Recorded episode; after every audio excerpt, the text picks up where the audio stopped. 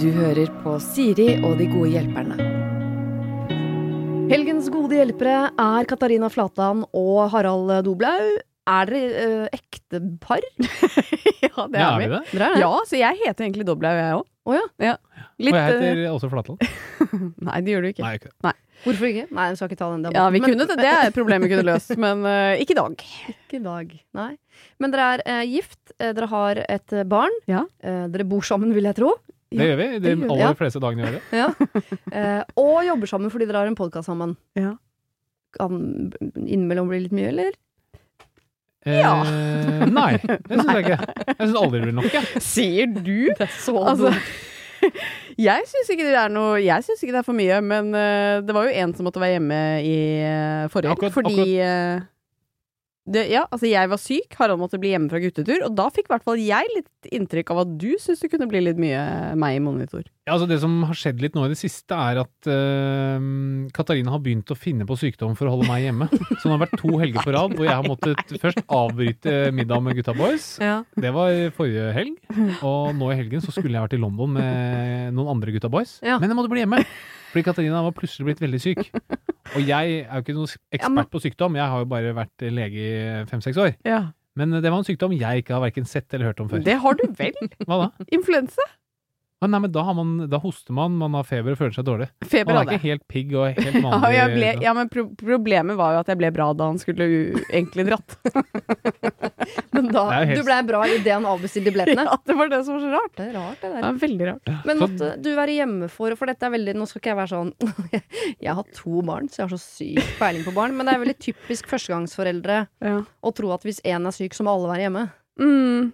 Fordi han trengte vel ikke å passe på deg? Farina? Du klarer deg vel Eller Nei. var det for å passe på barna? Nei, vet du hva. Eh, Bernhard var syk, og jeg var syk. Eh, Vel, vel. Vi var det da avgjørelsen ble tatt, kan vi si. Eh, det var vi. Og jeg, jeg var såpass dårlig eh, da du skulle utreise, at eh, jeg tenkte at jeg orker ikke å stå i alene og passe et sykt barn. Nei. Når du selv er syk. Det mener jeg at du må Det må du være enig med, Siri, enig med meg i. At hvis du legger det i tillegg, Mm. så er det ganske heavy med sykt barn, hvis du er syk selv. Ja. Jeg husker bare fortsatt at jeg lå i sengen min og min første var eh, spedbarn, og jeg hadde omgangssjuke. Ja. Hvor han måtte bare ligge i sengen ved siden av meg i dobbeltseng hele dagen, for jeg bare drev og kasta opp mens mannen min tok på seg uniform og dro på jobb og sa sånn ha det, da! Tenkte sånn Jeg håper du får en forferdelig dag, tenkte jeg. Ja, man unner Ja, men det godt. går, ikke sant? Ja, det Og, gikk. altså, er, er du veldig omgangssyk, jeg er helt enig, det er objektivt påvisbar sykdom, men det å si man er syk Yes! for å holde noen hjemme Okay. Og forrige, altså helgen før, da jeg også måtte hjem, da var jeg i middag med andre, og de har jo to barn hver. Ja. De fikk kunne ut hele natten, mens jeg nei, jeg måtte hjem i tilfelle barna ble syk. Nei, det var ikke det. Han var dårlig. Men uh, det er ikke derfor vi har kommet hit i dag. Uh, Men har dere, Er uh, Bernhard mye syk, eller er det, Ja. har han skada foreldre fordi dere ser sykdom overalt? Fordi dere jobber med sykdom? Begge Det er veldig rart, for han blir fryktelig syk akkurat når jeg skal ut og gjøre noe med noen andre enn min kone. Men Bortsett fra det, så er han ganske frisk. Han er veldig frisk mandag til Ja, det torsdag. er veldig rart, ja. Han har akkurat begynt i barnehagen, så han er veldig mye syk. Det Ja. må du jo i hvert fall kunne være enig i. Ja da, jeg er enig i det. Ja. Uh, du har, har du jobba som lege i fem-seks år, var det du sa? Uh, Ja, jeg var ferdig eh, i 2015, da, seks år. Mm. Ja. Men Du har også medisinutdannelse, Katarina, men du har Mm. ikke jobbet som lege ennå? Nei, jeg er ett år igjen på studiet. Ja. uh, jeg ler fordi Jeg vil bare slenge det i potten når dere har sånne diskusjoner. Jo, altså det er jo ganske sjukt, da, fordi Katarina er jo en opplyst og flink dame. Hun har da studert medisin over tolv år, Mhm. og det står mye respekt av det. Men det hun eh, klarte her forleden, det, jo, det skjønner jeg nesten ikke at det er mulig. Nei, det skjønner ikke jeg. Og hun har jo sittet notert har laget notater i, på sitt I år. elektroniske hjelpemiddel, som kalles en, eh, en PC, i to, over tolv år. Og hva klarte du på lørdag, Katarina? Jeg eh, skulle rydde plass eh, på Mac-en min, så jeg slettet eh, alle notater, jeg, Siri. Oi. Fra Tolv 12 år med notater, slettet du? Klarte å slette? Men klarer man å ha, ha, ha, hardslette det? Ligger ikke det en eller annen Det sky går, eller noe? eh, altså, det går veldig fint an, hvis du bare sørger for at du ikke sikkerhetskopierer en dritt. Og det gjør tydeligvis ikke jeg. Så du må begynne på nytt? Ja. Nye tolv år. Det var derfor jeg lo når du sa sånn, du er bensinstudent. ja, jeg er det, men akkurat nå står det litt, uh, går det litt rått. Ja. Ja. Ett år igjen, var på oppløpssida, liksom. Og så like bare før. røyk begge joggeskoa samtidig.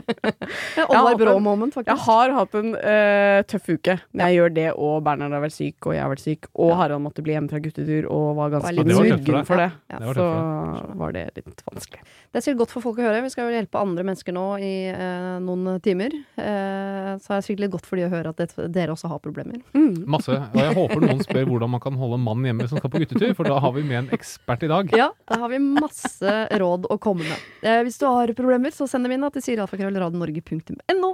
Her står det. Kjære Siri og de gode hjelperne. Jeg er ekstremt pappajente. Jeg er nå 40 år, og min far er 72. Mitt spørsmål er hvor mye pappajente er normalt?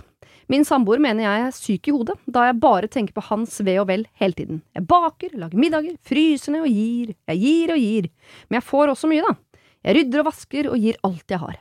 Det skal sies at etter at han ble 70, har jeg blitt livredd for å miste han. Jeg har til og med vurdert at den dagen han blir borte, så er mitt liv over. Vi prater om alt, vi er begge svært like. Jeg har også en mor, da, som jeg også har svært god kontakt med, men far, det er noe helt spesielt. Jeg er jo absolutt like glad i min mor, men hun er sjalu. Er det normalt? Og hva søren skal jeg gjøre den dagen både mor og far er borte? Da slutter jo mitt liv. Kall meg Liv. Jeg, jeg liker Liv veldig godt. Ja, Jeg syns hun er eh, artig. Hun er eh, glad i mammaen sin og, og pappaen, og mammaen er eh, nødvendigvis sjalu fordi hun er så pappajente. Men Ja. hvor, hva, hvor mye pappajente er normalt? Jeg vil si at hun har et veldig godt poeng, for jeg Mhm. syns pappaer er kanskje noe av det beste som fins i hele verden. Mhm. Nå har jeg selv vært pappa et år, så jeg vet jo litt uh, om det. Mm. Men du Katarina, har jo et veldig nært forhold til dine foreldre. Du snakker med foreldrene dine på telefon flere ganger hver eneste dag. Jeg gjør det. Uh, så jeg kan kjenne meg igjen Ja. i å være pappajente. Eh, men jeg er også en mammajente. Um, men sånn umiddelbart så tenker jeg at eh, eh, Jeg føler i hvert fall selv at da Harald og jeg giftet oss, så gikk jeg fra å være veldig pappajente til, til litt mindre pappajente. Okay. Og, for meg så handler det om at liksom eh, Plutselig tok liksom Harald over litt sånn oppgaver som pappa har hatt før. Som hva da? For Og gro bart, for eksempel-. Nei, men for eksempel alt av sånn økonomiske Sånn um, selvangivelse. Mhm. Aldri klart å gjøre det selv. Ikke prøvd heller, da. Nei. Men, men jeg har fått hjelp av pappa til det før. Nå Mm. tar Harald selvangivelsen min. Ikke sant? Søker lån, Harald tar seg det. Altså alle sånne ting. Bytte dekk, det fikser du. Skjønner dere litt hva jeg mener? Ja, ja, ja. jeg Jeg føler at på et eller annet tidspunkt, hvis hun har en samboer, Mm. så må hun jo la han slippe til litt mer, og kanskje litt mindre pappa. Ja, men her virker det som det har eh, skjedd et skifte på en annen måte. Fordi eh, det virker som om hun er liksom, eh, god venn med pappaen sin også. Mm. Ikke bare liksom digg å ha en vaktmester-aktig. Ja. Eh, og at han nå har blitt såpass gammel at han trenger hjelp fra henne. Mm. Og så er hun så glad i han at hun har ikke eh, lyst til å gjøre noe annet enn å bare eh, hjelpe han og være sammen med han og gi han mat og omsorg hele, hele tiden. Mm. Og er er livredd for at han skal bli borte. Ja. Men det høres jo litt ut som hun har bikket litt over, da. Og så er det litt sånn, kanskje litt vel tradisjonelle kjønnsroller, hvor hun er hjemme og styrer og vasker og ordner, og fins noen andre måter hun kan kanskje være sammen på uten å måtte direkte hjelpe han, f.eks. med husarbeidet. Og dette med liksom, hva skal skje når han blir borte, nei, det kommer jo til å skje, ikke sant? Ja, ja. Han blir borte på et tidspunkt. Mm. Og det å tenke litt over det, og prøve å ikke venne seg til tanken, men både tenke på det fordi man setter mer pris på han i dag. Nå høres det ut som hun setter veldig stor pris på han, men allikevel. Og så begynne å skjønne at vet du hva, livet er jo mer enn bare pappa. Hun Mm. høres jo kanskje litt, litt opphengt ut i ham. Ja. Samtidig syns jeg det er noe fint, for det er ganske sånn typisk uh, Norge at vi tenker sånn 'Tusen takk for hjelpa, nå har jeg lært meg å fly. Snakkes til Mm. jul'. Jo, jeg skjønner hva du mener. Og det er fint når han faktisk trenger såpass mye hjelp som han gjør, at hun stiller opp. Men Ja. det virker jo som problemet her ligger liksom på hjemmebane, når Mm. mannen hennes sier sånn 'du er sjuk i huet'. Ja, og til og med moren, moren begynner å bli sjalu. Ja. Så nei, jeg tror at Ja. Jeg, jeg syns det er veldig fint, og det er veldig flott, og det er jo veldig godt å høre om noen som er så glad i andre. Og husk på Mm. at selv om han, pappa, får masse hjelp her, så det å kunne være der for en annen, det betyr veldig mye for et menneske. Mm. Så dette her er nok sikkert har en, i hvert fall elementer av sunnhet i det begge veier. Men hvis man er redd for at man ikke har noe liv etter han går bort, Ja. da tenker jeg at eh, det er en, en varsellampe. Ja. Samtidig så kommer hun jo til å erfare at hun har et liv også når han går bort. Så det, er på en Mm. måte, det tror jeg ikke man kan forberede seg på. At det som skjer, det skjer, og så må man bare gå videre. Forhåpentligvis. altså Husk på i vikingtiden, så eh, trellene ble jo drept samtidig med disse store vikingene og lagt i graven.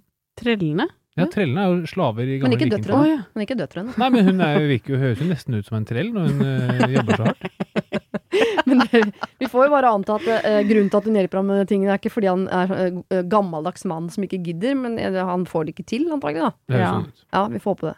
Men er det, eh, hun spør også eh, om det er normalt at man kan være sjalu eh, på eh, Jeg vet ikke, Bernhard er sikkert ikke stor nok til at han merker noe sånn at han trekkes i en retning, mer glad i mamma eller pappa, men at man kan bli sjalu på det? Mm. Ja, vi kan bli sjalu. Masse, ja ja, Ja. sjalu, ja ja, masse. Og det, han har sånne dager. En Mm. dag hvor han bare vil være sammen med meg, og en annen Mm. dag så kan han bare være sammen med Katarina. Og da blir jeg kjempelei meg, selvfølgelig, og sjalu.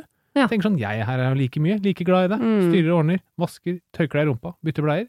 Og så er det plutselig kona mi som er interessant. Ett steg så- over grensen. Så kan man jo føle, ikke sant, føle på om det er noe man har gjort.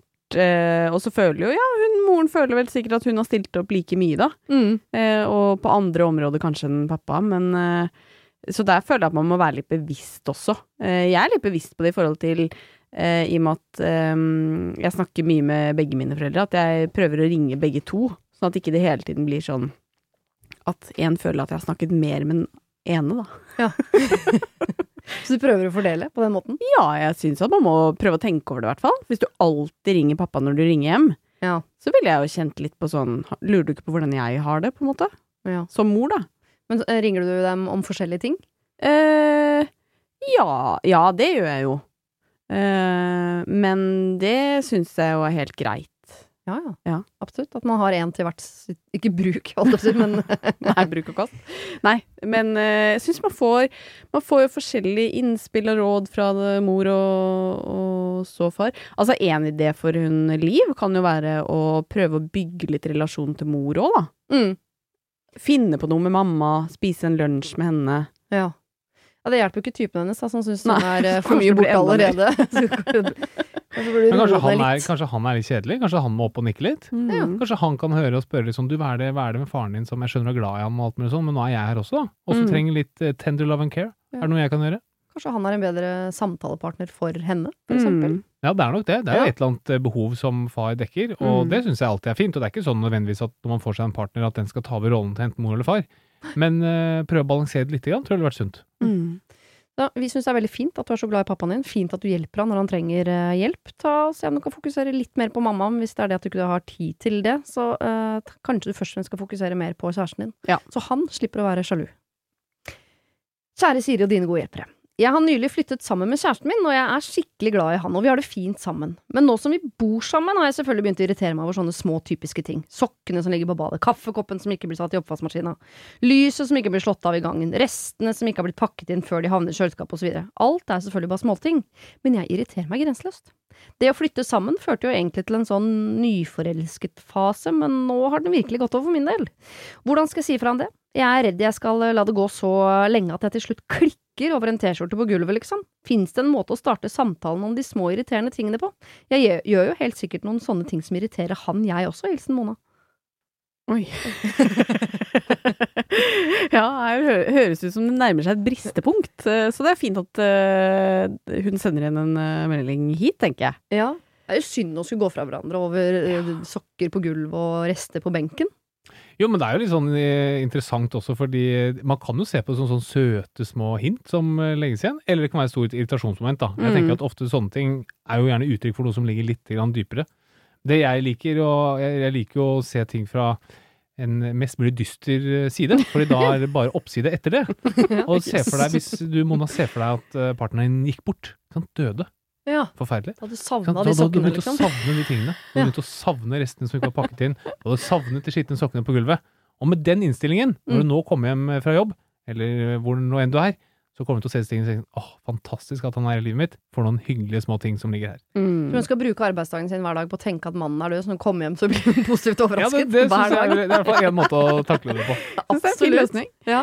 Uh, jeg må jo også si at eh, jeg tror at hvis du skal gi Det blir jo veldig generaliserende å si, da, men å leve i et uh, samhold med en annen person resten av livet, sånn Mm. som vi planlegger å gjøre, er jo Du må på en måte tåle at det følger noe med.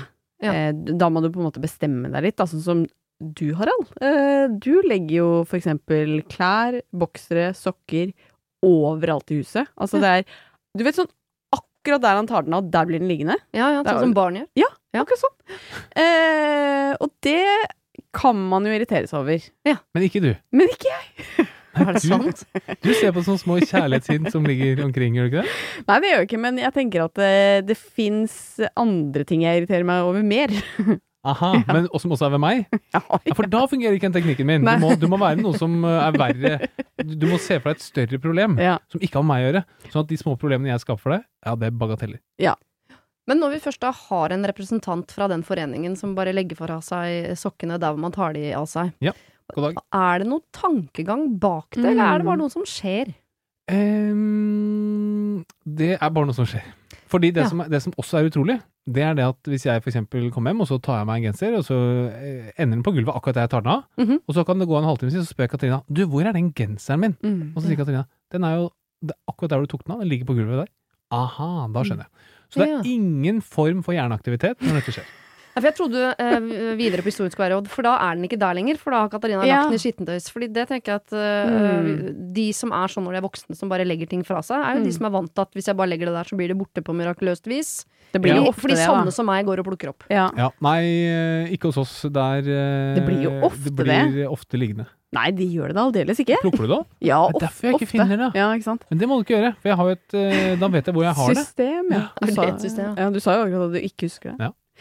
Men nei da, poenget mitt var litt bare at eh, man må Um, Hvis man skal fungere, på en måte, når man bor sammen Det er jo krevende å bo sammen, Mhm. eh, uansett hvor glad jeg er i Harald. Så tenker jeg at da kan jeg ikke begynne å irritere meg over de tingene. Nei.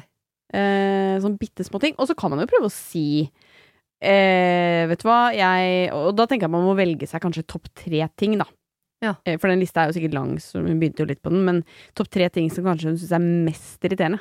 Ja. Hvis Eh, du fikk sånn hypotetisk sett skulle tatt tre sånne ting eh, med meg, da, mm, hva ville det vært?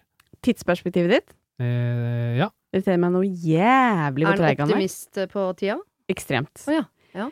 Eh, og det er veldig slitsomt, for det Mhm. går utover min tid. Eh, og så Ikke sant? Ja, så, Stopper så fort, men det, Kort liste. Ja, men kanskje det er derfor, fordi jeg har én ting jeg irriterer meg veldig over. Men jeg har jo, altså Det er jo irriterende at du legger fra deg klær, men jeg, jeg, jeg bruker ikke mye energi på å irritere meg over det. Nei. Da ville jeg jo tatt opp med han. Ja. Ikke sant? Ja, for det er det jeg tenker. Selv om det er eh, småting, eh, etter hvert blir det jo verre ting. eh, Større ting. Mm. Så er det jo fint å, å tilegne seg en metode å snakke med samboeren sin på om de tingene, istedenfor sånn, å være en sånn trykkoker, sånn som jeg er, da. Som Ja. jeg går og irriterer meg, irriterer meg, irriterer meg. Eh, uten å si noen ting. Jeg Ja. sammenligner ofte meg selv med en, sånn, eh, en som står i bokseringen, og som hele tiden blir slått litt i ansiktet. Men fordi jeg ikke syns det gjør så vondt, så lar jeg de bare holde på. Helt til jeg står inni et hjørne, og jeg tenker at eneste måten jeg kommer meg ut av dette hjørnet på nå, er å Knockout. klinke til tilbake. Oh, ja. Og sånn er jeg.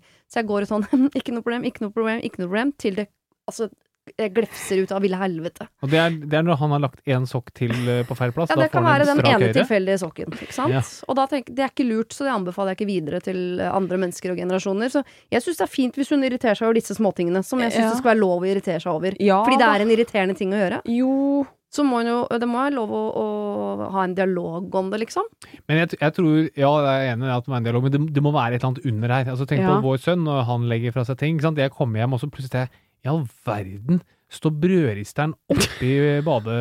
Eller i vas inni vaskemaskinen?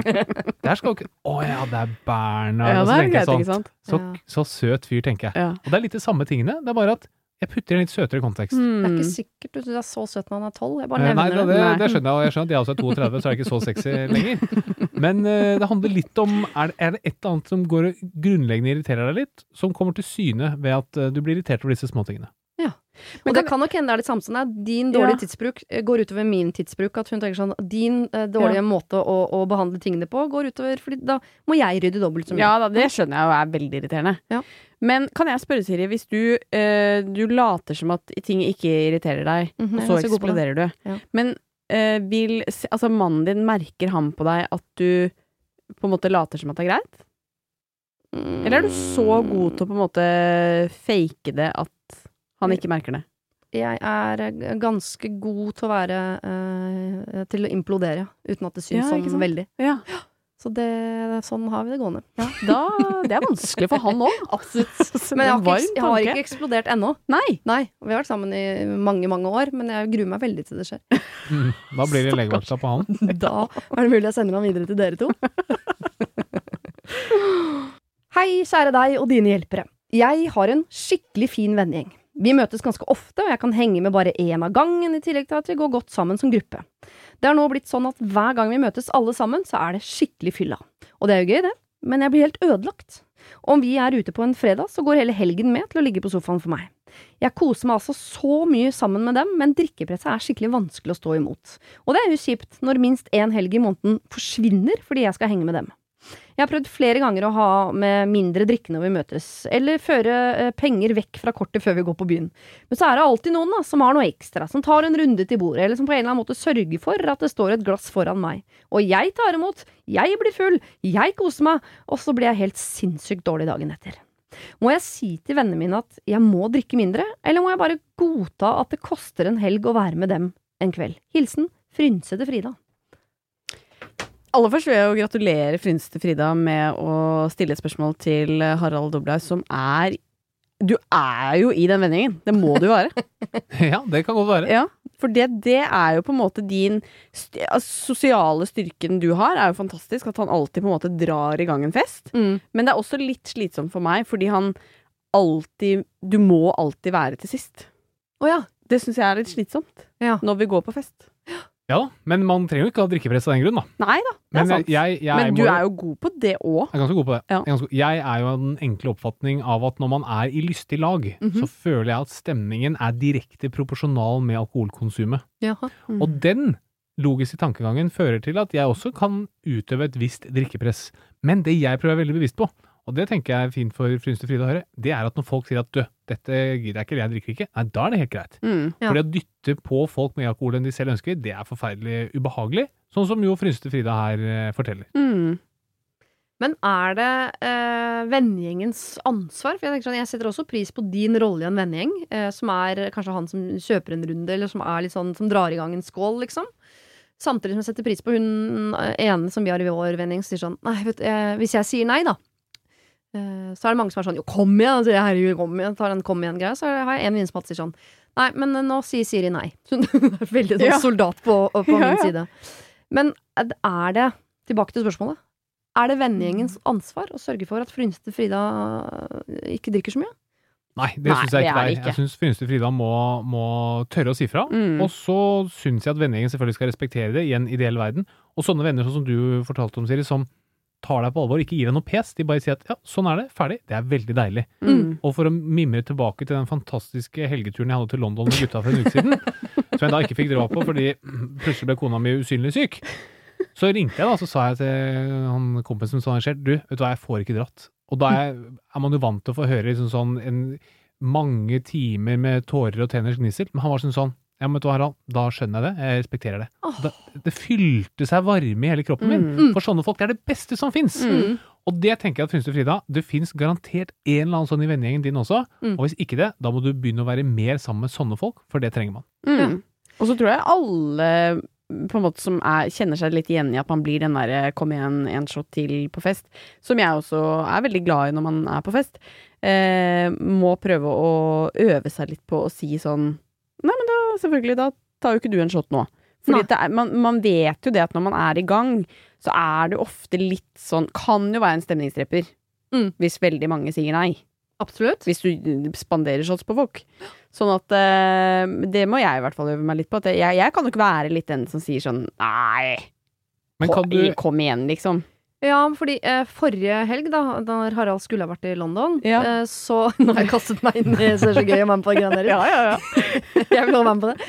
Nei, eh, da hadde vi jo problem fra andre siden, hvor det var en som savnet at venninnene tok en shot til. At alle nå hadde blitt så fornuftige fordi de ikke ville ødelegge helgen. At det aldri liksom blei ordentlig fest. Og hun sto Ja. igjen og var sånn Ja, men jeg vil drikke Tequila og danse. Og alle bare sånn Jeg tar et glass rødvin, ja, så skal jeg hjem litt tidlig. Men Ja. hun- var helt sånn utsultet på den, Ja. den eh, fylla hun husket fra liksom russetida. Mm. Så eh, jeg liker at begge deler fins. De som faktisk gidder å ta, Mm. eh, ta gå hele veien uten å tenke på morgendagen. Eh, Det syns jeg er fint. At noen, for jeg trenger hjelp over der. Mm. Det syns jeg også er fint de gangene jeg ikke vil over at det er en som sier sånn Det skjønner jeg veldig godt. Mm. Nå Ja, for- skal du slappe av.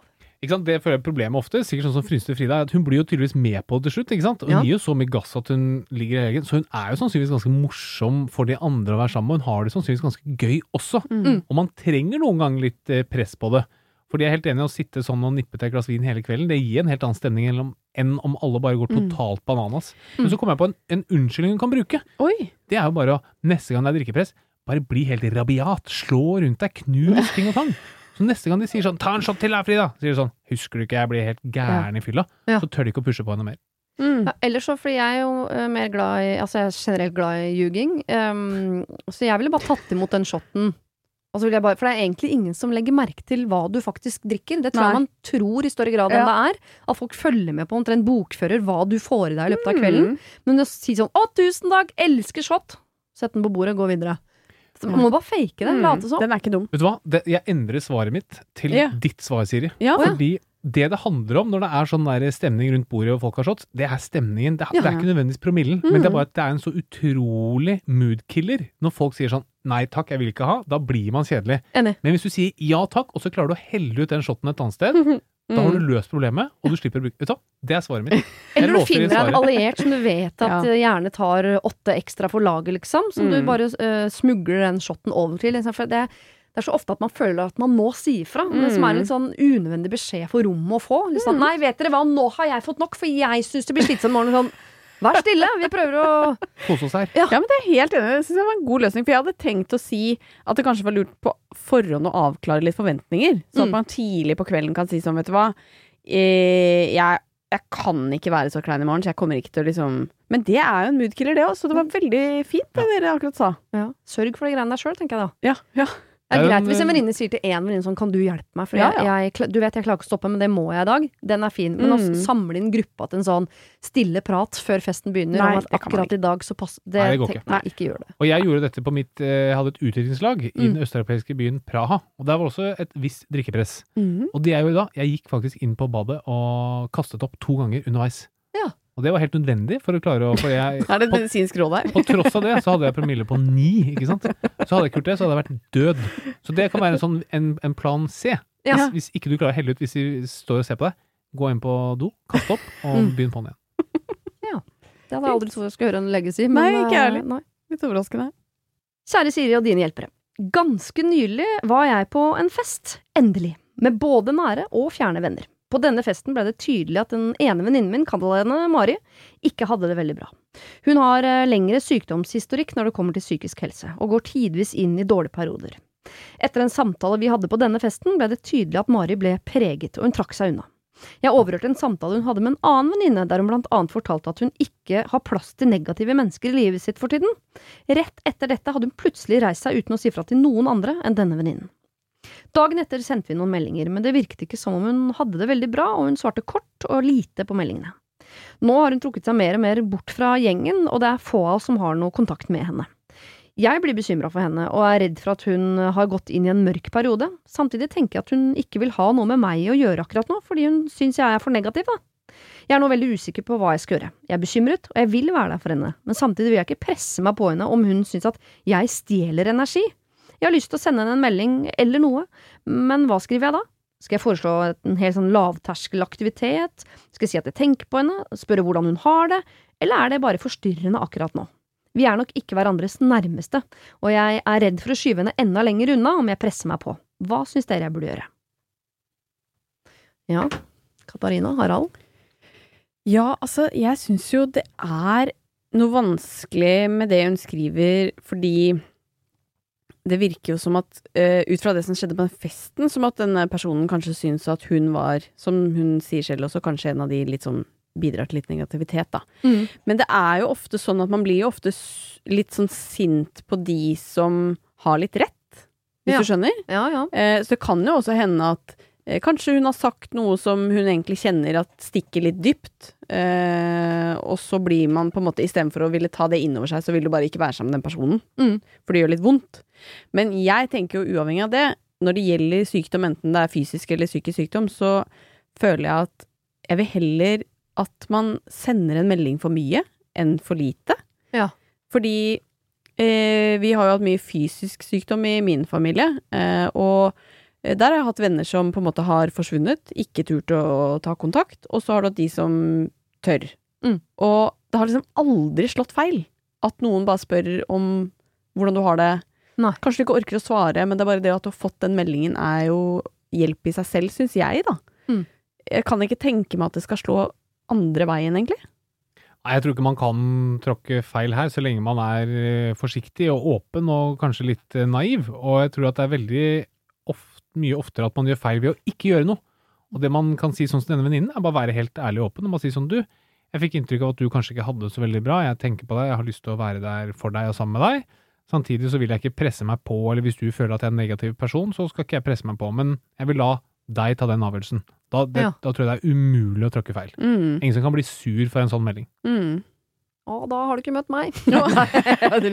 Nei, men kan det hende Jeg tror i hvert fall jeg ville kanskje droppa den ene setningen med sånn Hvis hun syns at jeg er en negativ person. For jeg tenker hvis du er, først er på et mørkt eller vanskelig sted og syns at verden er litt vanskelig akkurat nå, Mm.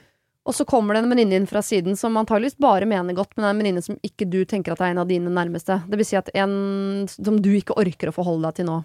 Så ved å på en måte sende deg en melding med noe som helst eh, Ikke press, men som er noe jeg burde forholde meg til eller svare på, så tror jeg, kunne, så tror jeg man kan bli irritert av den meldingen.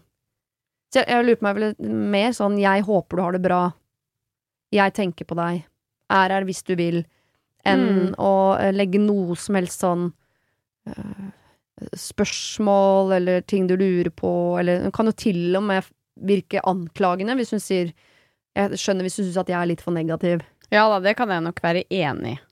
Ja, jeg ser det poenget. Det- som er litt sånn som den erfaringen du snakket om, Katarina, når man er i en vanskelig situasjon selv, så er det absolutt alle som har tatt kontakt. De, de har man liksom Etterpå tenker man ikke noe vondt om de overhodet. Mm. Selv om de selvfølgelig ikke har perfekt utformede verken meldinger eller kaffesamtaler eller telefonsamtaler.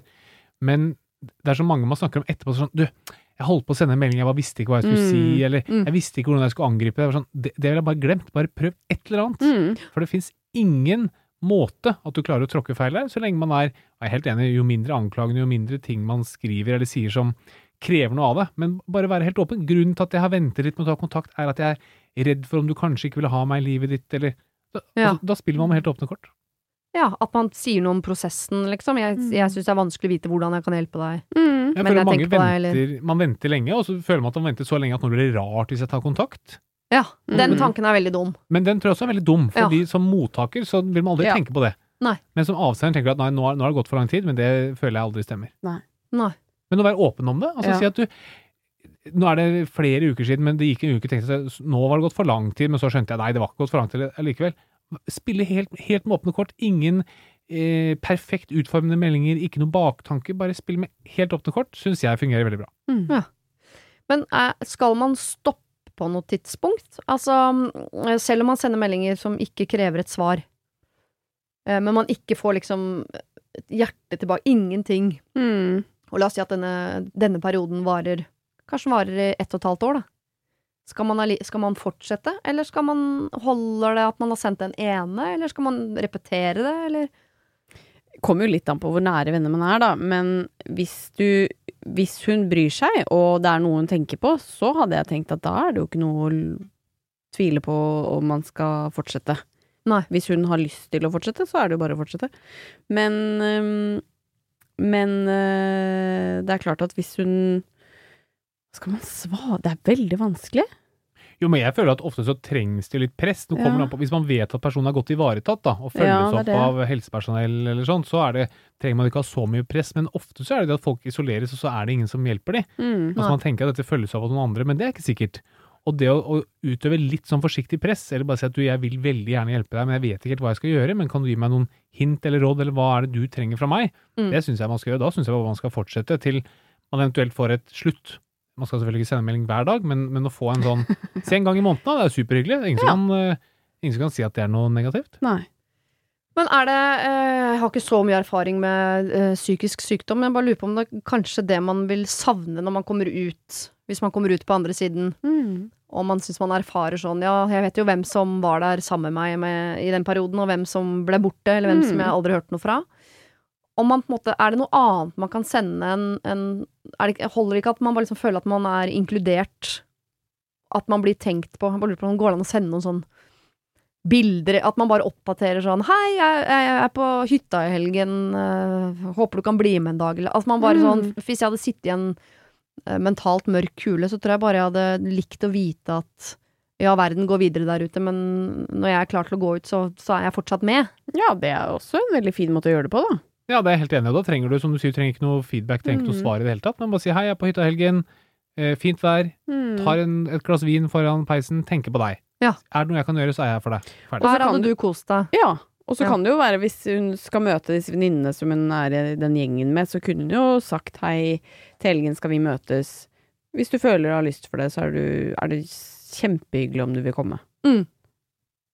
Og hva skal hun, kan hun forvente Skal hun forvente noe svar, eller skal hun bare Det kommer vel litt an på hvordan denne personen har det. Nei, jeg tror ikke du skal forvente noe Nei. svar i det hele tatt. Og så bare, bare tenk på at nå sender jeg en melding som forhåpentligvis lysner dagen til venninnen min lite grann, og jeg Mm. forventer ikke noe svar, og jeg trenger ikke noe svar for å føle at jeg har gjort noe bra, og jeg trenger ikke noe svar for å fortsette å gjøre det. Si en gang i måneden, da. Mm. Fram til hun kommer ut på andre siden. Grunnen til at jeg eh, eh, presser eller stresser dere i, i en retning her, er fordi folk er forskjellige på hva de ønsker av hjelp også. Jeg kan jo ikke relatere til noe annet enn meg selv, men jeg er ofte sånn hvis jeg har et eller annet i livet mitt som jeg syns er vanskelig, så vil jeg ha mest mulig fred. Fordi jeg er sånn Ja. sånn, jeg vil inn i hulen min, og så vil jeg rydde, og så kommer jeg ut når jeg er ferdig. Mm. Og da kan jeg kan bli eh, Selv om det er kjærlighet, så kan jeg bli litt for irritert hvis det står for mange utafor hulen og banker på, på en måte. Mm. Så jeg bare, man skal respektere det også, hvis det den jenta her trenger, faktisk er ro, da. Ja da. Og, Men hvis- eh, fordi det er ofte da at det er de venner rundt som har et behov for å ville hjelpe, men det er jo ikke Mm. egentlig den du vil hjelpe sitt behov. Nei. Da kan du skru av mobilen, eller den føler jeg du må ta på din Ja, jeg er kappe. litt at, enig. eh, Ja. Hvis du har behov for ro, det får man jo. Altså, Mm. Det er veldig lett, det er bare å skru av mobilen, eller gjøre seg helt utilgjengelig. Men jeg tror det er veldig mange som er i motsatt situasjon. Altså, de, de vil gjerne ha mer Mm. enn det de får. Og det som er litt sånn spesielt med, med en del psykisk sykdom, er det at man blir ganske lite konstruktiv selv. Og jeg husker på um, psykiatriundervisningen eh, som jeg hadde her på, um, da jeg studerte medisin, så var en av disse professorene i psykiatri som hadde med en liste med 100 ting du kunne gjøre hvis du var deprimert, da. Ja. Var sånn sånn, gå en tur i skogen, eh, lei deg en kajakk og padle kajakk. Og så tenkte jeg at det som er litt sånn paradoksalt, er at dette er en liste som er skrevet av noen som ikke er deprimert selv. Ja. Og du bruker din egen logikk til å tenke hvordan jeg Mm. selv skal unngå å være deprimert, da. Ja. Men når du er deprimert, så du har en helt annen Mm. måte å tenke på, som er mye mindre konstruktiv. Mm. Det er Er ikke ikke sånn nødvendigvis sånn fysen på å padle kajakk, liksom. Nei, ikke sant? Det er akkurat det. Alle skjønner at ja, hvis du, de fleste smiler når de er ute på padler kajakk, men, men du, har, du har ikke noe energi, noe initiativ. Du ser ikke hvorfor det skal være noe Nei. fint for deg. Nei. Og grunnen til at jeg sier det, er at det man da Og man er heller ikke åpen for input utenfra, men da er det de rundt som er nødt til å bare ta den jobben og legge på litt sånn press. Sånn, Mm. du, jeg skjønner du ikke er keen på paddekajakk i dag, men nå blir du med på den kajakkturen, så kan det være at det blir bra likevel. Mm. Og så er det da den ene som faktisk har stamina nok til å, selv om du har sagt nei til kajakktur fire ganger, som får lurt deg med den femte gangen, og så viser det seg at det var det du trengte. Akkurat. Jeg ser begge de sidene, men Mm. det er noe med at hvis du har tenkt fire ganger og sånn Men jeg vil ikke padle kajakk, slutt å mase, og så har du ikke energi egentlig til å si fra en del, så blir det sånn slutt med den jævla kajakken. Ja, men the worst case, altså blir du dratt med ut i en kajakk og Brukt en time på det, liksom. Ja, det tåler du. Ja, Ja, ja, ja, det er sant, det. Jeg tror, jeg tror vi må liksom huske på at når man er veldig eller preget av angst eller depresjon, man, man er ikke helt rasjonell. Mm. Det betyr ikke at man ikke skal ha selvråderett og bestemme, men det er omgivelsenes eh, oppgave å pushe deg lite grann. Ja. Jeg har også en del pasienter som sier at 'jeg liker ikke psykologen min'. Jeg, jeg, tror veldig ofte at du skal ikke alltid like psykologene. Jeg tror det er mye bedre med de som utfordrer deg, Mm. og, enn de som sitter er helt enige med deg. Fordi hvis, hvis du er enig, hvis du er deprimert, og alle er enige med deg, da blir du i hvert fall ikke noe mindre deprimert. Ja. Ja, det er det man har venninner til. Ok, jeg tror eh, kort svar er går det an å, å, å bry seg for mye? Nei, Nei, det gjør det det ikke. gjør ikke Eh, men det går an å vise at man bryr seg på en måte som ikke virker invaderende, da. Mm. Eh, så vis at du bryr deg, men finn en måte å gjøre det på som, som på en måte er spiselig også for mottakeren. Mm. Har du et problem og trenger hjelp, ja, så sender du det til meg. Da bruker du Siri, alfakrøll, radionorge.no. Hei, Siri og dine gode hjelpere. Jeg trenger hjelp med en rar avhengighet, men som jeg vet jeg ikke er alene om. Jeg er ekstremt avhengig av nesespray, men så er jeg også ekstremt hypokonder, og jeg vet at det å være avhengig av nesespray kan over lengre tid være farlig, eller i verste fall ikke bra, da. Har også angst og tror at hodet mitt øh, Eller jeg tror oppi hodet mitt at jeg er tett i nesa og ikke får puste pga. anfallene mine. Har dere noen tips til hvordan jeg kan kvitte meg med avhengigheten, eller hvordan jeg kan trappe ned? Hilsen Rudolf som er tett i nesa. Ja, her skal legen få lov til å prøve seg. Er det Eh, vanlig altså nesesprayavhengighet? Er det, Ja, det er veldig vanlig. Det er reelt. Mm. Ja, det er reelt. Og det er veldig skummelt også, fordi til slutt så blir nesa di tett eh, hele veien. Du får ikke åpna opp, selv med nesespray. Så mm, vi anbefaler at man ikke bruker nesespray mer enn en uke, ned mot fem dager. Ja. Nettopp for å unngå denne avhengigheten her, da. Men det er litt for sent her, da. Her er det, ut som er litt for seint, da. Ja. At Rudolf må få åpna opp nesa på en eller annen måte. Og det er mye å ta tak i her, da, hvis man hele tiden går og har angst for at nesa er tett og man ikke skal få puste. Da høres det ut som man kunne trenge litt eh, profesjonell hjelp, da. Og det trenger ikke å ligge så langt unna. Det kan være hos eh, fastlegen, eksempel. Hva gjør fastlegen da? Eh, nei, man må sette seg ned og ta en liten skikkelig prat og høre hva er det som foregår oppi det topplokket ditt, da. Som Mhm. gjør at du går rundt og tror For det er jo ikke reelt, ikke sant. Det er det som skjer med angst, at hjernen begynner å ta noen snarveier, noen koblinger som ikke har noe rot i virkeligheten. Så det er en, en, et kapittel for seg. Men akkurat for nesen så går det an å bytte til nesespray som bare har saltvann, eller sånn nesehorn. Og så mm, Ikke dyr nesehorn, men et eh, sånt eh, Heter ikke det da? Nesehorn? Jo, jo, som du skyller gjennom. Ikke sant? Som du skyller gjennom med. Mm. Eh, og så bare gradvis avvenne seg dette her, sånn at nesen kan bli åpen og fin igjen uten nesespray. Og så må man vel bare finne seg i, i at uh, de første dagene så er du tett. Ja. Ikke Men sant? tett nese er jo ikke så farlig. Men det er, Nei, han men er det er det, ubehagelig, da. Man Ja. sover jo dårligere, og jeg har jo de gangene jeg føler at nå er jeg blitt avhengig av nesespray, så må jeg stå i det et par dager. Mm. Men så Du- saltvann kan man godt bruke hele tiden, da. Yes. Så hvis man har en saltvanns... Så er ikke det at man skyller nesen, men det er noe i nesesprayen som man blir avhengig av. Ja, helt riktig. Fordi i nesesprayen så inneholder det stoffer som gjør at blodårene eh, trekker seg sammen i nesa. Ja. Men jo mer du bruker det, jo mindre bryr blodårene seg om det. De blir så godt vant til det at de bryr seg ikke lenger. Nei. Og da må du ha nesespray bare for at de skal gidde å trekke seg sammen i det hele tatt. Og da har man det gående. Da er du nødt til å bruke nesespray for, for å ikke ha tett nese. Men dette er reversibelt uansett hvor lenge du har gått. Eh, nei, det er faktisk ikke det. Nei. Så Det er derfor det er liksom et, et eh, fint tips å slutte med dette så fort som overhodet mulig. For å håpe at man klarer å få tilbake en eh, åpen og fin nese. Fordi hvis man er forbi det eh, der hvor det er reversibelt, så er det, så er det kjørt herfra ut. Ja, hvert, altså det, det kan godt være at man får åpnet opp, og man kan bruke noen andre medisiner som, som åpner opp delvis, men noen må i verste fall operere for å få mm, frie luftveier igjen i nesa. Og det burde, altså som eh, Hvis du har eh, litt eh, angst, så burde jo det være trigger nok til at man gjør noe med det så fort som overhodet mulig, da. Det er et godt poeng vi bruker. Hvis, vi kan, hvis noen har angst, så bruker vi alltid angsten til å spille på lag og finne noe de har mer angst for. Ja. Hvis Mm. jeg er, så, jeg er så redd for å slutte med nesespray, da må vi finne, gi det en grunn til å være enda mer redd for å fortsette med nesespray. Mm. Ja. Det handler om å bruke Mm. angsten mot pasienten. Jeg har ekstremt lite angst uh, innabords, men jeg har jo vært eh, det jeg kaller avhengig av leppepomade i mange, mange år. Altså, jeg har Mm. sånn uh, Carmex-bokser liggende i begge bilene og overalt i hus, og jeg, altså, jeg kan virkelig sånn Hvis jeg drar til Oslo uten Carmex, så må jeg selvfølgelig jeg kan kjøpe en ny, men jeg kan finne på å snu, liksom. Skistasjon og dra hjem igjen. Helt ko-ko i nøtta. Til jeg bestemt, tok et valg her for noen uker Å. siden. Bare jeg skal slutte å bruke leppepomade. Ja. Og det tok to dager. Så jeg ikke, eh, så hvor jeg tenkte at det, Hvor jeg syntes det var ubehagelig. Ja. Har ikke brukt leppepomade siden. Der kan Oi. du se.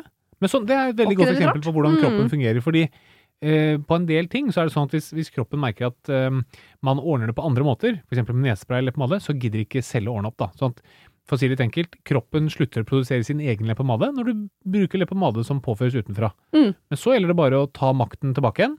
Slutt å bruke leppepomade. Mm. Så får man håpe at kroppen sier at æh, shit, nå får jeg bare krype til korset og begynne å produsere det selv igjen. da. Mm. det Gjelder skjedde dette også sjampo? Eh, Mm. nei, fordi det produserer man ikke selv. Det har vært deilig. Det blir et billig liv. Ja, for jeg vet jo det er noen som slutter å bruke det også, som en slags sånn livsvalg. Ja, men det er også bare- lurt med de som sier at de slutter med deodorant. Har dere hørt om de? Jeg har ikke hørt om det, men lukta det. Jeg har en nei da. Men eh, jo, men det er jo folk som sier sånn Jeg slutter med, slutta med deodorant etter det lukter jeg ikke svett. For meg er det helt uh, sjukt. Ja, Du lukter jo svett selv med deodorant. Nei, men det endret, seg etter at jeg var gravid. Ja, det gjorde det. Før så kunne jeg svette og få sånn Uansett om jeg dusja, liksom, kunne svetten min lukte vondt. Men nå gjør den ikke det. Ja, Når jeg først har eh, medisinsk personell her, og vi eh, snakker om hjelpemiddel, daglige hjelpemidler til kroppen, er det sånn at noen er født med vondere lukt enn enn andre? Altså mer svettelukt og mer sånn morgenånde og sånn? Jepp, absolutt. Ja, det, er bare, det er genetisk, eller hva? Eh, ja, både det og for så vidt eh, hygiene har jo Det er jo som regel det som har mest å si. Ja. Men vi er skrudd sammen litt annerledes, og hormonsammensetning i blodet eksempel, kan påvirke kroppslukten. Jeg syns det er, veldig privat. Da. Jeg beklager på vegne til min datter Signe, som er jo eh, utad det vakreste mennesket jeg vet om. Men Men allerede som ganske nyfødt baby, altså lukta så sånn vond svette under armene. Allerede som spedbarn. Og en morgenånde fra et annet. Det er sånn, eh, broren hennes orker ikke gå inn på rommet hennes om morgenen.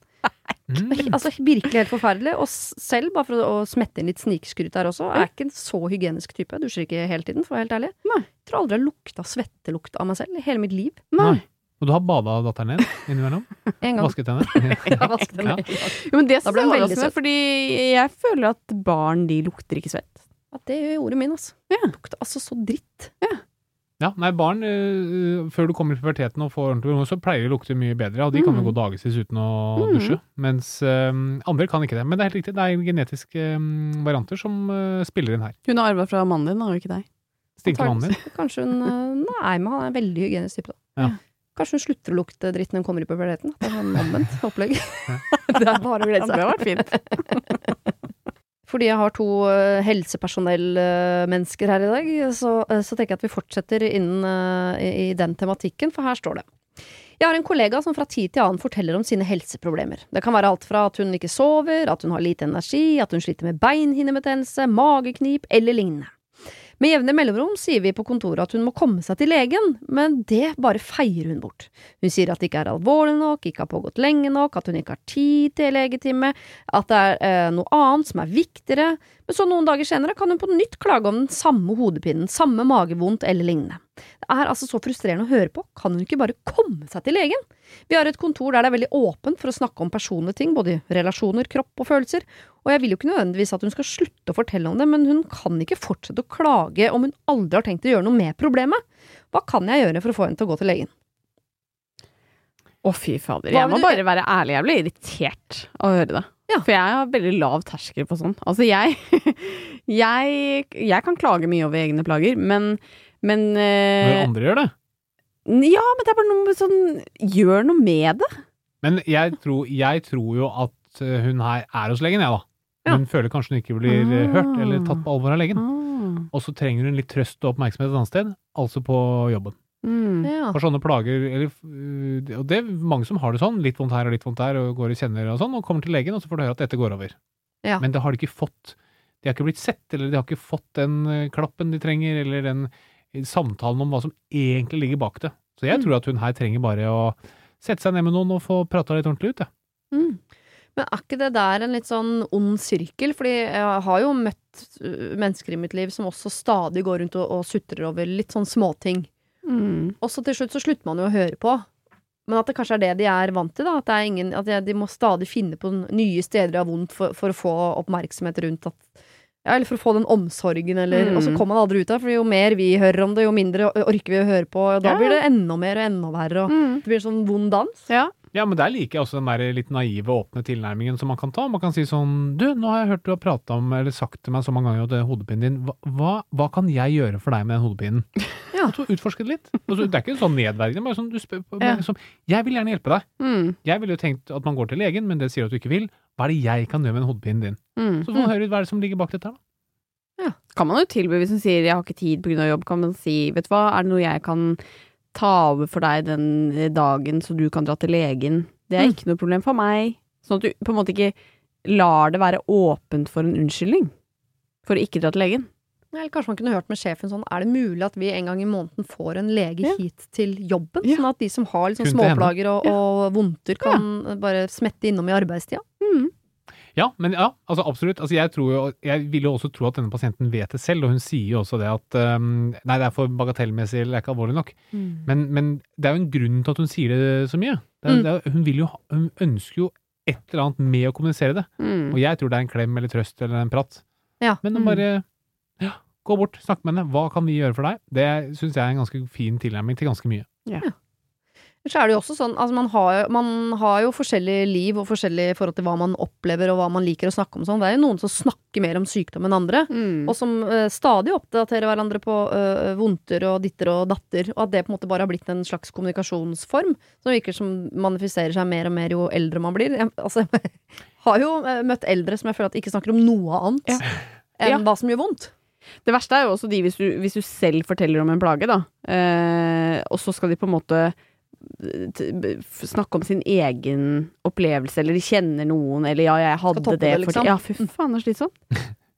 Ja da, altså man ser jo, og det er jo også en, en eh, side med sosiale medier, det, det har blitt mange fine sånne grupper for folk med ulike plager. Mm. Og det kan være veldig fint, for du kan få tips og triks til eh, hvilke leger man skal snakke med, eller hva som kan hjelpe. Mm. Men i noen tilfeller så kan det også eh, kanskje virke litt mot sin hensikt at det bidrar til å opprettholde plagene. da. Mm. Så hvis jeg f.eks. har en diagnose som eh, Ja, jeg har den diagnosen, og for meg så er det vondt i magen og vondt i nakken, og så er det en annen Ja, men jeg har vondt i hodet. Ja, jeg har også litt vondt i hodet. Kanskje det er den diagnosen som sier det.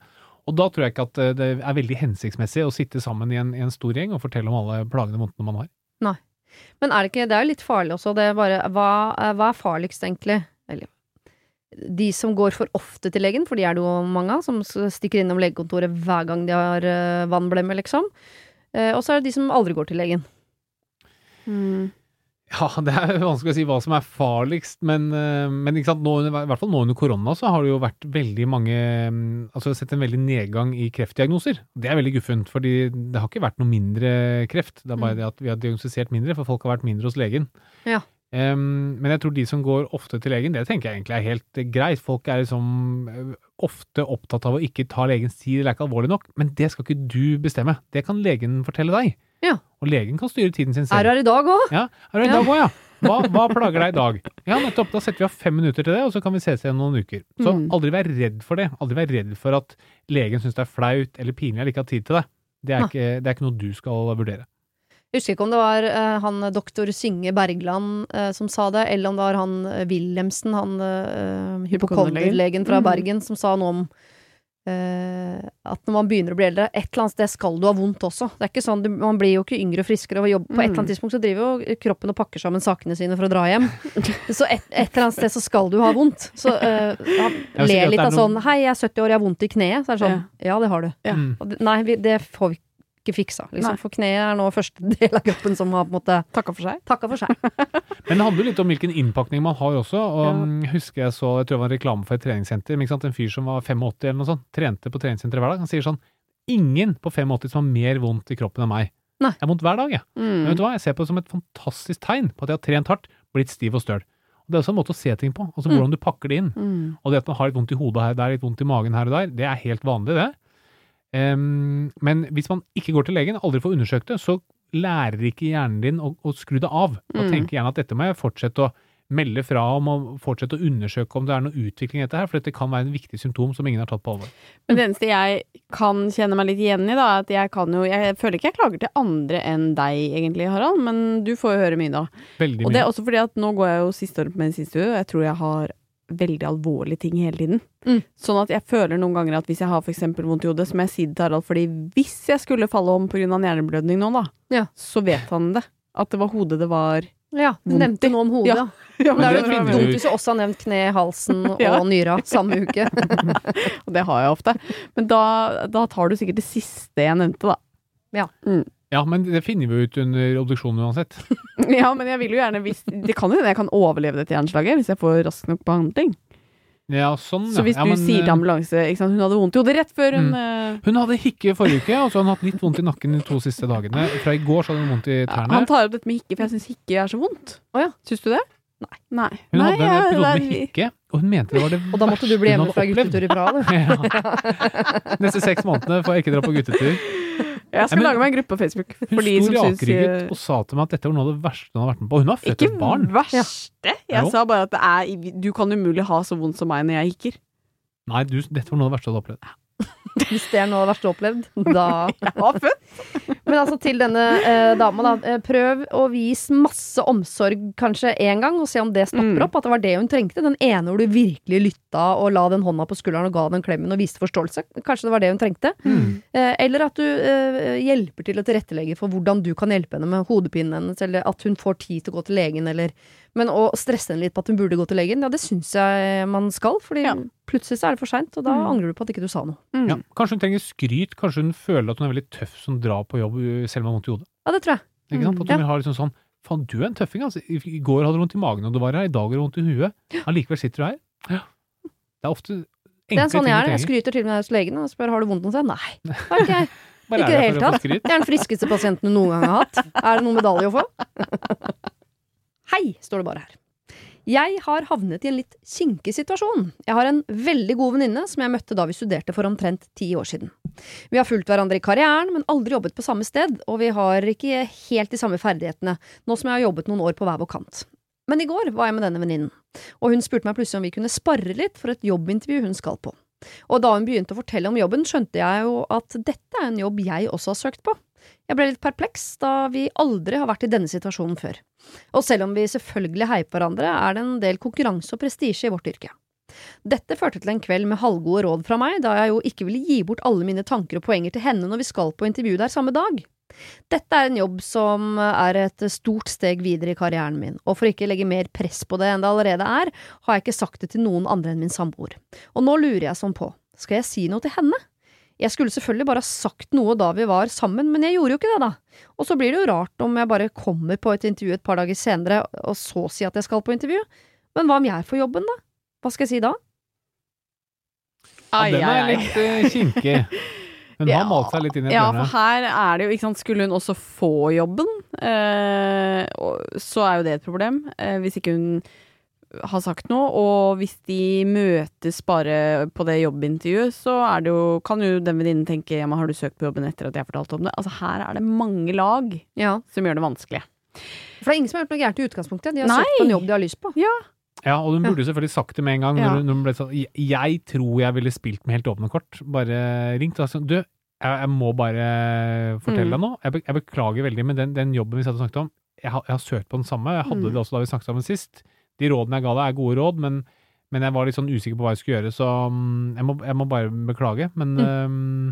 sånn, Og så er- kanskje sånn si at jeg syns det er så skummelt med denne eh, runden med jobbintervjuer at jeg har bare sagt til samboeren min. Det var derfor jeg ikke klarte å si noe, for jeg ble så satt ut. Ja. Sånn at eh, man forklarer litt hvorfor man ikke sa noe, da. Ja, for hun vil jo antagelig skjønne at uh, Hun har jo ikke søkt etterpå, for de har kommet såpass langt i prosessen at det blir kalt inn til intervju. Eh, men jeg liker jo alltid å, å bringe en eh, utvei på banen som er litt mer sånn for de konfliktsky. Ja. det kan, nei, hun kunne jo ringt nå og sagt sånn, vet du hva, eh, jeg gadd ikke å si noe for jeg hadde søkt, men jeg trodde ikke jeg kom videre på intervju, men nå har jeg også kommet videre til intervju. Ja. Bare så du veit det. Ja. Det går an. Ljuge litt, ja. Ta en liten sånn på den. Eller så kan hun la være å si noe inntil den dagen hun blir busta, og da si sånn, jeg beklager, jeg syns det var vanskelig. ja, men da føler jeg man kan bli sur. Å ja, Ja, fordi for det har jo ikke noe, s- men det har jo ikke noe å si. Nei, Ja, men- problemet er at hvis hun får jobben nå, Mm. selv, mens hun hun ga råd til, ikke fikk jobben, Mm, så vil hun ja. alltid lure på ga du meg dårlig råd. Ja, Ja. men det gjorde hun. Og det gjorde hun jo selvfølgelig, Ja. men du vil jo gjerne, det vil du gjerne ikke si. Nei. Så ærlig syns jeg ikke man skal være. Nei. Så jeg, man må ha en eller annen unnskyldning som, som um, mitigerer risikoen for worst case scenario her. Ja. Den var veldig god, den å si, ringe og bare si hei, du, vet du hva, jeg gadd ikke å si noe fordi jeg ikke trodde jeg skulle videre, men nå ringte de nå, og Ja. bare sånn, vil du også komme? Så jeg, altså, som å, å vise at det skjedde veldig spontant, det er jo en veldig lur Ja, løsning. det var lurt, ja. Det var, lurt, ja. det var en fin liten hvit løgn der. Den synes jeg, Når du først har rota opp en den situasjonen, Mm. så syns jeg kanskje det kan være veien ut, ja. ja, for hun kan ikke da reagere på sånn, ja, men hvorfor, hvorfor sa du ikke at du hadde søkt? Kun, hvor- det kunne du vel bare sagt, Nei, fordi jeg hadde, jeg hadde ikke hørt noe, så jeg tenkte at det var ikke vits å si. Nei, jeg var ærlig talt litt lei meg, for jeg hadde ikke kommet Ja, ikke sant? I hvert fall dra det kortet, det er veldig lurt. Sånn at du får litt dårlig Ja, samvittighet. ja, kan si sånn, du, jeg syns jo du er så flink, og sånn, selvfølgelig hadde du blitt kalt til intervju. Jeg tenker når du tar inn så flinke folk, så får sikkert ikke jeg intervju. Ja. Kan? Spille litt på den Mm. der. Eller spille jeg er verdens beste venninnekortet sånn. Nei, vet du hva, akkurat der og da så følte jeg at dette handler om deg, så jeg hadde ikke lyst til å, å sånn, Nei, ta det er det ingen som tror på. Å, Nei, nei, jeg hadde ikke trodd på den heller. Ljuge at det var verdens beste menneske, og så er det bare Tvert imot, når du har sittet der og løyet. øh, Ja, Men dere kan skjønne det. Altså, eh, Katarina, du er vel antakeligvis Ja. ikke i en situasjon hvor du må søke på jobber, men det hender jo at man får en jobb som man tenker at eh, Ja. noen man kjenner kanskje hadde lyst på, Ikke eller sant, ikke sant? ja. Ja, jeg, jeg Ja, hvordan vil jeg handla det? Nei, altså jeg er må nok si at jeg er såpass på en måte Hvis det hadde vært en jobb jeg hadde hatt veldig lyst på, så hadde jeg heller ikke villet gitt bort mine beste råd. Nei. Kanskje tvert imot. Det første du gjør, du går inn, og så slipper du en gigantisk fis. For jeg elsker denne type eh, sjefer. I jobbintervjuet? Mm. Ja, det er det de leter etter. Ja. Nei, så uh, alle her skjønner at hun ikke sa noe, for det er en Mm. litt kinkig situasjon Ja å komme i, som hun sier sjøl. Så jeg skjønner at hun ble så perpleks. Men hun har muligheten til å gjøre som du, Harald, sier, at hun bare legger alle korta på bordet. Jeg, vil- jeg det er jo antageligvis det lureste å gjøre. Mm. Ja. Hvis man ikke har ja, Legg litt av kortene på bordet. Ikke Esset, men alle de andre. Jeg, jeg tror ikke jeg kunne blitt sur på en venninne hvis hun hadde lagt alle korta på bordet og sa sånn Sorry, jeg var ræva venninne forrige uke. Jeg, bare, Mm. jeg blei så tatt på senga, blei så perpleks. Og helt ærlig, jeg har så lyst på den jobben. Så jeg, jeg blei litt lei meg når du også skal, fordi jeg, Mm. jeg vil jo kunne glede meg over at du får den hvis du får den. Mm. Men det var jeg litt Mm. redd for at ikke jeg skulle få til, og så ble jeg redd for sånn, hva om jeg får den? Mm. Skal jeg da kunne glede meg over den? Jeg vet at du vil ha den. Mm. Sorry, det var så mye greier oppi hodet mitt akkurat da, at jeg bare eh, tok det Var det motsatt av high road, da? Sier man low, Low- road? eller? low road. Aldri hørt før, men uh, la oss si det nå. Eh, ja, men jeg tror side road. Vi må jo tenke ut, ikke sant, hvis hun får jobben, hvordan kjennes det? Hvordan blir hun møtt av venninnen? Og hvis hun, ikke, ikke hvis hun ikke får jobben, så er det greit, da burde hun ikke sagt noen ting og ikke møtt opp på jobbintervju. Da hadde hun selvfølgelig sluppet mye bedre unna av å Mm. bare late som ingenting. Men jeg tror risikoen er såpass høy for at uh, man uh, får noe nyss i det. Eller hvis hun får jobben, Mm. at uh, å legge fra noen til alle kort på bordet, det vil være mitt råd her. Mm. For det hadde vært greit også nå å komme til en enighet som demmer opp for en potensielt fremtidig kinkig situasjon. Det er At noen får den. Mm. At bli enige om nå, vet du hva. En, hvis en av oss får den, kan vi love hverandre at uh, vi skal si gratulerer med at, Ja. at vi har lov til å, å kjenne på at det gjør litt vondt et kvarter, Ja. før vi liksom spretter Ja. champagnen. Men tenk hvis hun som mottok dårlig råd, faktisk fikk den, da. Så viste det at de dårlige rådene var egentlig fryktelig gode. Ja. Da veit du hva man skal gjøre neste gang. Ok, du må Mm. legge enten alle korta på bordet, eller halvparten av korta på bordet. I hvert fall noen kort må på bordet. Ja, det må Ja. det. Men det er ofte, ofte lurt å lyve litt, da. Ofte lurt å lyve litt. Dette er min Sitat kone Katarina som, eh, som prater her. Det er, de sitatene jeg har lyst til å ta med meg eh, herfra i dag, er eh, Det er ofte lurt å lyve litt, Katarina Flatland. Ja. Eh, Harald Oblaug, du sa noe i stad som jeg syns var rart av en lege å si. Eh, kast, kast opp litt, og så går du og drikker er videre-aktig. Jeg står rakrygget med tipset der. Ja, ja. Det er de tingene jeg tar med meg videre fra disse timene sammen med dere. Eh, tusen, tusen takk for at dere vil være mine gode hjelpere. Det var veldig hyggelig. Veldig gøy. Ble litt bedre kjent med Harald, jeg, selv om jeg ikke trodde det var mulig. Ja, og jeg vet jo at du går rundt og ljuger så det renner av, så mm, en fin ny opplevelse dette her. Det var det. Husk å sende ditt problem til siri at radionorge.no om du vil ha hjelp. Denne podkasten er produsert av Klynge for Bauer.